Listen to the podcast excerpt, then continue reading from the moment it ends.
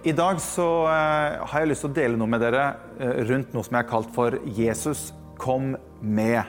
Og så er det noen eh, nøkkelord som jeg har lyst til å dele denne fjerde søndagen i advent. Som er nøkkelord som kommer inn i bildet når Jesus kommer til jorden vår. Og bare sånn for å liksom sette litt hva skal vi si, fokus og sentrum i dette her, så kom jo ikke Jesus til jorden i første omgang for at vi skulle kunne få lov til å feire jul og ha masse julegaver og mye mat og sånt nå. Det er jo ikke derfor Jesus kom, selv om det er veldig hyggelig og det er veldig koselig. Nå har jo eh, Jesus kommet i en slags form for konkurranse, virker det som i mange tilfeller, med eh, den der andre mannen som går i en litt sånn tettsittende rød si, sånn trikotdrakt med med flyvende reinsdyr, og til og med et av disse reinsdyr har en rød, selvlysende nese. Det er ikke der vi liksom på en måte legger hva skal vi si, Dette er ikke en konkurranse mellom Jesus og julenissen. Dette er et helt annet budskap, og jeg har bare lyst til å dele noen tanker. Men når det er sagt, så, så blir jeg, ble jeg veldig overrasket. Jeg kom over en artikkel eh, fra Den episkopale kirke jeg skal ikke si hvor og hvem, men det var bare en representant som skriver en artikkel rundt nettopp dette med julen og julenissen, som gjør at jeg, jeg satte jo i halsen når jeg, når jeg leser her. Bare lyst til å lese litt hva vedkommende skriver, for det er ganske hårreisende. Eh, bare følg med på dette. Dette er det som han skriver. Han skriver eh, dette er altså en prest som skriver dette som en artikkel, og så sier han sånn som dette her. Det er få saker jeg er mer lidenskapelig opptatt av enn julenissen. Bare der stopper jo jeg helt opp. Og Så sier han videre julenissen fortjener ikke bare en plass innen kirken, men en æresplass. Han fortjener å bli satt på tronen som den gamle av dage, den hellige og guddommelige, som vi kaller Gud. Nå har jeg bare oversatt dette her ifra en engelsk tekst. Men han stopper ikke der, han fortsetter. Han skrev et langt stykke, men jeg har bare tatt noen sånn utklipp fra, fra hva han sier. Så fortsetter han, så sier han julenissen er som Guds sønn. Han vet om alle slemme, og ingen lurer ham. Og han vet om du er riktig snill, så vær snill så godt du kan. Ja, julenissen kommer i kveld. Julenissen sniker seg like lett inn i ditt hjerte som han sniker seg ned pipa. Julenissen er Gud Fader, himmelens og jordens skaper. Han er Den hellige ånd som kommer med en god latter i form av en bolle full av gelé. Og så avslutter han med at julenissen fortjener sin plass i kirken, for han er Faderen, Sønnen og Den hellige ånd. Ja, i han ser jeg den treenige Gud. Da tenker jeg at man har nådd en viss grense. Altså, det her er noe av det absolutt dummeste jeg har lest i hele mitt liv. Og at det går an å dra hva skal vi si, julenissen inn og sette det i en sånn kontekst som dette her, er jo helt, bare helt absurd. Men jeg ville bare, hva skal vi si, bare ta det med, med dere med en gang. Det er jo ikke dette julen handler om. For meg er julen et, et, hva skal vi si, en, en, en, et minne av at Jesus kommer inn i vår verden. Og han har med seg noe helt annet når han kommer, som er ikke bare en sånn fiksjon, og som er egentlig er bygd opp på noe som ikke eksisterer, men Jesus han er en virkelighet, og han kom til jorden vår. Så jeg har bare lyst til å ta utgangspunkt i eh, Matteus kapittel 1 og 2, og så skal vi ta utgangspunkt i Lukas kapittel 1 og 2.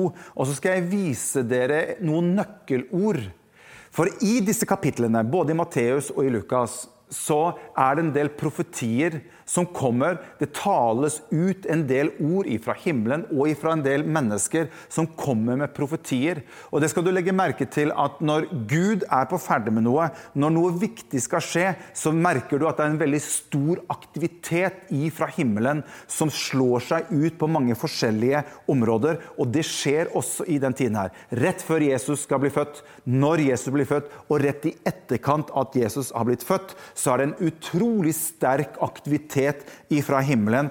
Og oppi dette her så, hva skal vi si, så deles det en del nøkkelord gjennom profetiske ord, som jeg har bare lyst til å ta med, som er ord og sannheter som kommer med Jesus inn i vår verden.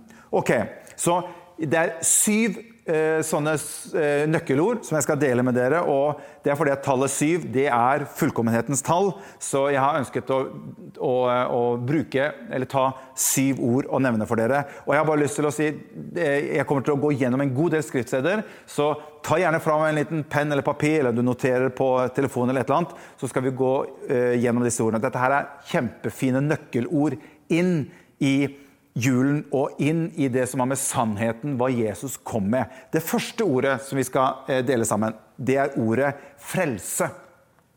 Og Jeg har bare lyst til å hente det ordet ut ifra en litt eldre mann som het Zakaria. Zakaria han er faren til Johannes døperen. Og Zakaria han er gift med Elisabeth. Og De hadde nå begynt å komme opp i årene. Eh, de kunne ikke få barn og de hadde nok bedt til Gud om at eh, Gud skulle gi dem et, eh, et barn. Og en dag hvor, hvor Zakaria er i tempelet, for han var en som gjorde tjeneste i tempelet. Og en dag han er i tempelet, så kommer det en engel til Zakaria og sier at du skal få en, en sønn, og du skal kalle han, du skal gi han navnet Johannes. Og Zakaria begynner litt å argumentere litt med den engelen, for han skjønner ikke helt hvordan dette skal gå til, fordi at både han og kona hadde begynt å bli gammel, og fordi at Zakaria setter liksom spørsmålstegn om dette her i det hele tatt er mulig å gjennomføre fra Guds side, så eh, istedenfor at Gud sier ok, glem det, da blir det ikke noe sønn på deg, så, står, så sier Bibelen at Gud slår Zakaria med stumhet. Han mister evnen til å snakke. Og han mister evnen til å snakke helt til Elisabeth skal føde, og de skal gi eh, sønnen sin et navn. Og Engelen hadde sagt til Zakaria at du skal kalle ham for Johannes. Og Det kommer til det stykket at noen nevner ordet Johannes, og så spør de, eller de, si, de henvender seg til Zakaria og eh, spør han, hva, at, hva tenker du at sønnen vår skal hete. Og Da måtte de hente fram en eh, si, penn og papir, og så skriver Zakaria ordet Johannes. Og Skriften sier at idet han skriver ferdig navnet Johannes, så åpner Gud munnen på Zakaria, og han får igjen tilbake talegaven sin. Det er denne mannen her som vi kan lese om i Lukas kapittel 1 og vers 67. Og Dette er det første ordet som vi skal dele. Det er ordet 'frelse'. Og Der står det fra vers 67. Vi skal lese sammen. Nå ble hans far, Zakaria, fylt av Den hellige ånd, og han profeterte og sa:" Lovet være Herren Israels Gud, for han har gjestet og forløst sitt folk og har oppreist et frelsens horn for oss i sin tjener Davids hus. Og Så skal vi gå videre i samme kapittel, men til vers 76. Der står det videre Og du, barn, skal kalles den høyestes profet. For du skal gå foran Herrens ansikt for å rydde hans veier. Og så står det for å gi hans folk kunnskap om frelse ved tilgivelse for deres synder. Og det er nettopp dette julen handler om. Det Jesus kom og tok med seg, det er frelse til mennesket. Det er, ord, det er det første nøkkelordet som jeg har lyst til å dele med deg i dag. Det neste ordet som jeg har lyst til å dele, det er ordet nåde. Og da skal vi eh, gå til, til eh, Lukas kapittel 1. Og Der skal vi lese ifra vers 26. Da er det neste ordet nåde. Dette handler om Maria. Der står det fra vers 26. Men i den sjette måned ble engelen Gabriel sendt av Gud til en by i Galilea som het Nasaret, til en jomfru som var forlovet med en mann som het Josef av Davids hus. Jomfruens navn var Maria. Og etter at engelen var kommet inn, sa han til henne, Fry deg, du som har fått så stor en nåde. Herren er med deg.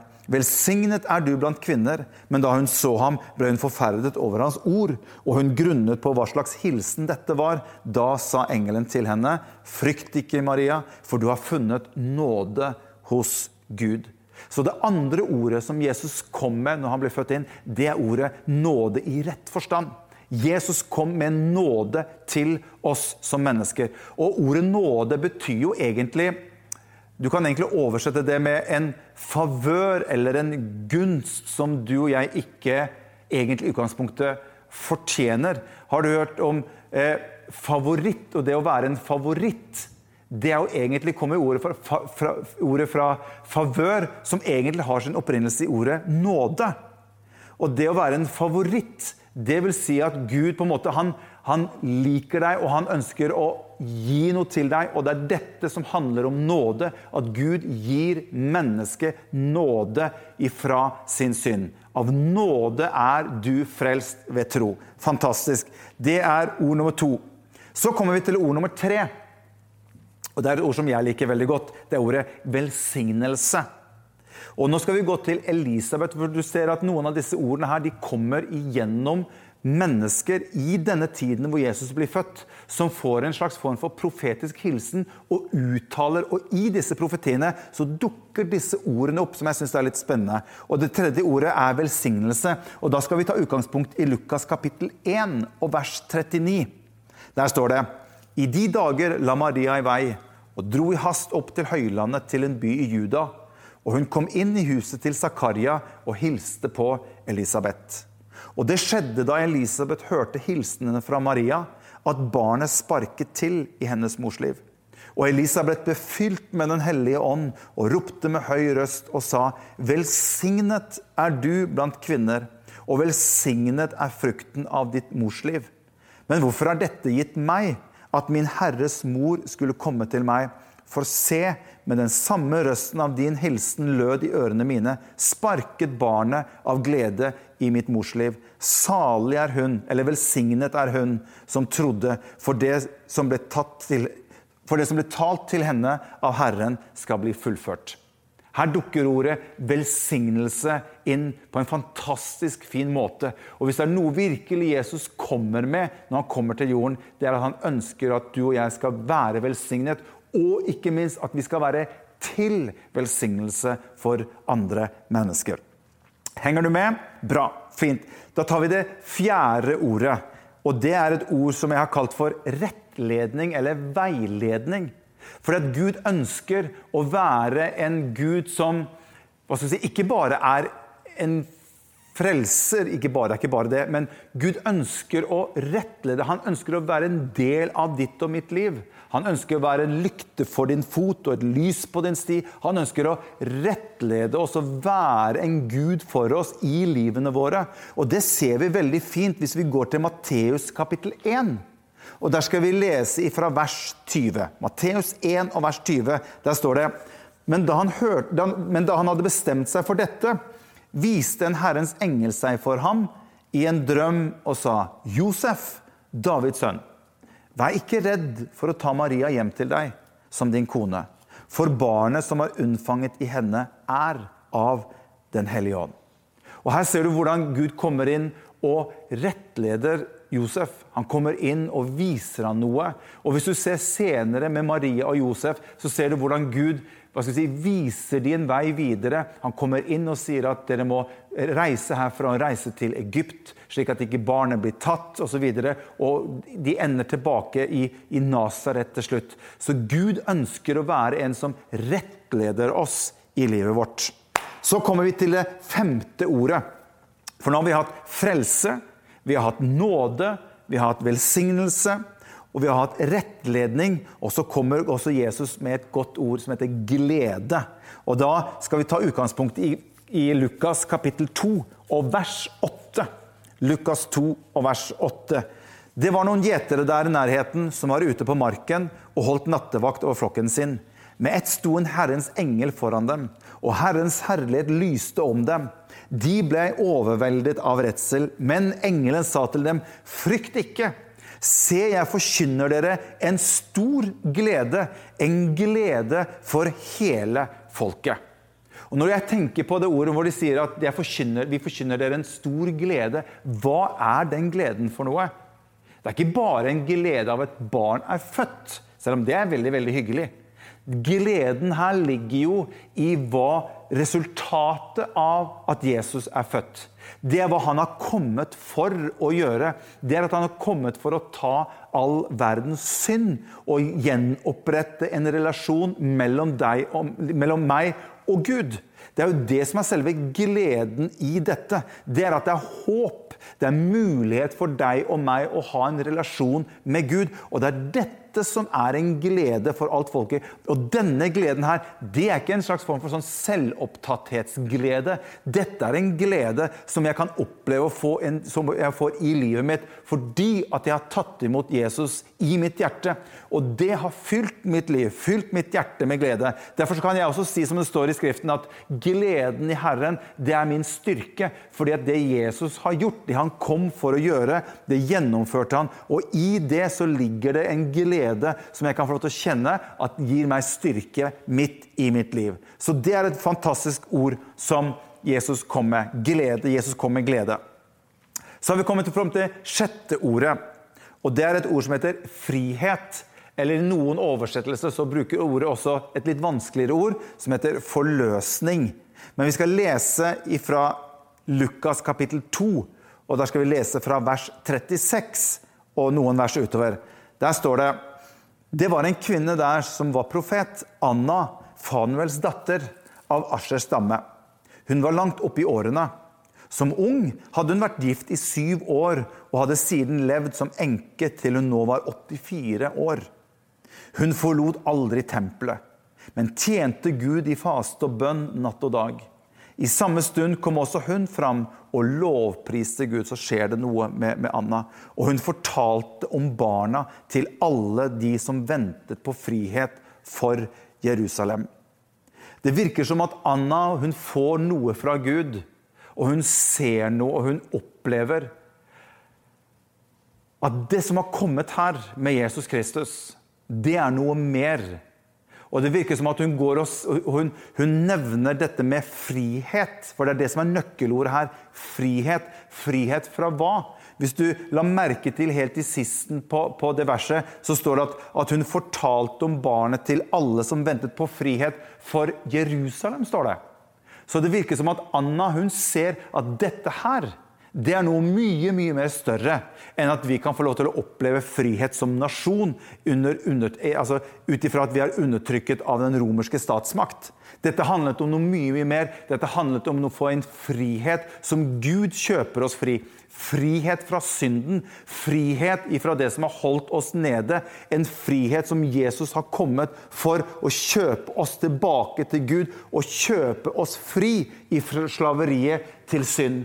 Gud har kommet med Jesus med en frihet som overgår all annen type frihet. Og det er det Anna opplever i denne stunden her. Og jeg syns det er så fantastisk at hun er faktisk 84 år gammel, og fortsatt så kan Gud bruke Jeg vil bare si til dere som er litt oppi årene Gud kan bruke oss uansett hvilken alder vi har. Og Det ser du med Zakaria og det ser du med Anna her. At Gud bruker oss alltid så lenge du og jeg ønsker å bli brukt av Gud. Amen. Så har vi kommet fram til det siste ordet. Og det er et ord som jeg syns er kanskje noe av overskriften, i hvert fall på den delen som har med, med den natten hvor, hvor, hvor Jesus blir født. Eh, Jesus kom med fred. Han ble omtalt som fredsfyrsten som kommer. Men vi skal ta utgangspunkt i det som står i Lukas kapittel 2 og vers 28. Jeg vil, før vi leser, det, så vil jeg bare anbefale dere alle sammen Sett dere ned, og så leser du først Matteus kapittel 1 og 2. Og så går du over til Lukas, og så leser du kapittel 1 og 2. Hvor fantastisk det står om den tiden rundt Jesu komme. Det er helt fantastisk nydelig å lese. Da skal vi lese fra kapittel 2 og fra vers 28 i Lukas. Der står det han lovpriste Gud og sa, Herre, nå lar du din tjener fare herfra i fred. Dette er Simon i tempelet. Slik som du har lovet. Og så sier han, for mine øyne har sett din frelse, som du har gjort i stand like for ansiktet på alle folk. Et lys til åpenbaring for hedningene og ditt folk Israel til ære. Legg merke til at Simon han sier nå lar du din tjener fare herfra i fred. For jeg har sett med mine øyne frelsen. Frelsen gjør at du og jeg får fred. Og det er det han opplever, at når han så frelsen, når han opplevde frelsen, så kjente han at freden kom over han og i han. Og det er nettopp det som er selve hva skal vi si, målet med at Jesus kom. Det er at du og jeg skulle få lov til å oppleve og få en fred i livene våre. Og Hvis ikke du har fått denne freden med Gud, så er julens budskap så er dette budskapet om denne sønnen som kom. Det er et budskap om fred som du og jeg kan få tak i. Så Vi skal bare be en bønn til slutt, og så skal vi få en sang etterpå. Kjære Jesus, jeg takker deg for hver eneste en som ser på. Jeg takker deg for hvert eneste menneske som, som kanskje ikke helt har funnet fred med deg. Jeg ber deg, Herre, om at dette budskapet som du kom med, alle disse ting som du hadde med deg når du ble født inn i denne verden, at dette skal bli oss til del i denne tiden. Jeg ber for mennesker som føler uro i sitt hjerte, som kanskje ikke har sin sak i orden med deg. Jeg takker deg for at du er fredsfyrsten som kom til jorden som ga ditt eget liv, og som var til frelse for alle mennesker. Takker deg for at din fred er noe som overgår all forstand. Din fred er noe som går utover vår, vår egen menneskelighet. Og du er den eneste som kan gi oss virkelig fred i våre liv. Det takker jeg deg for. I Jesu navn. Amen.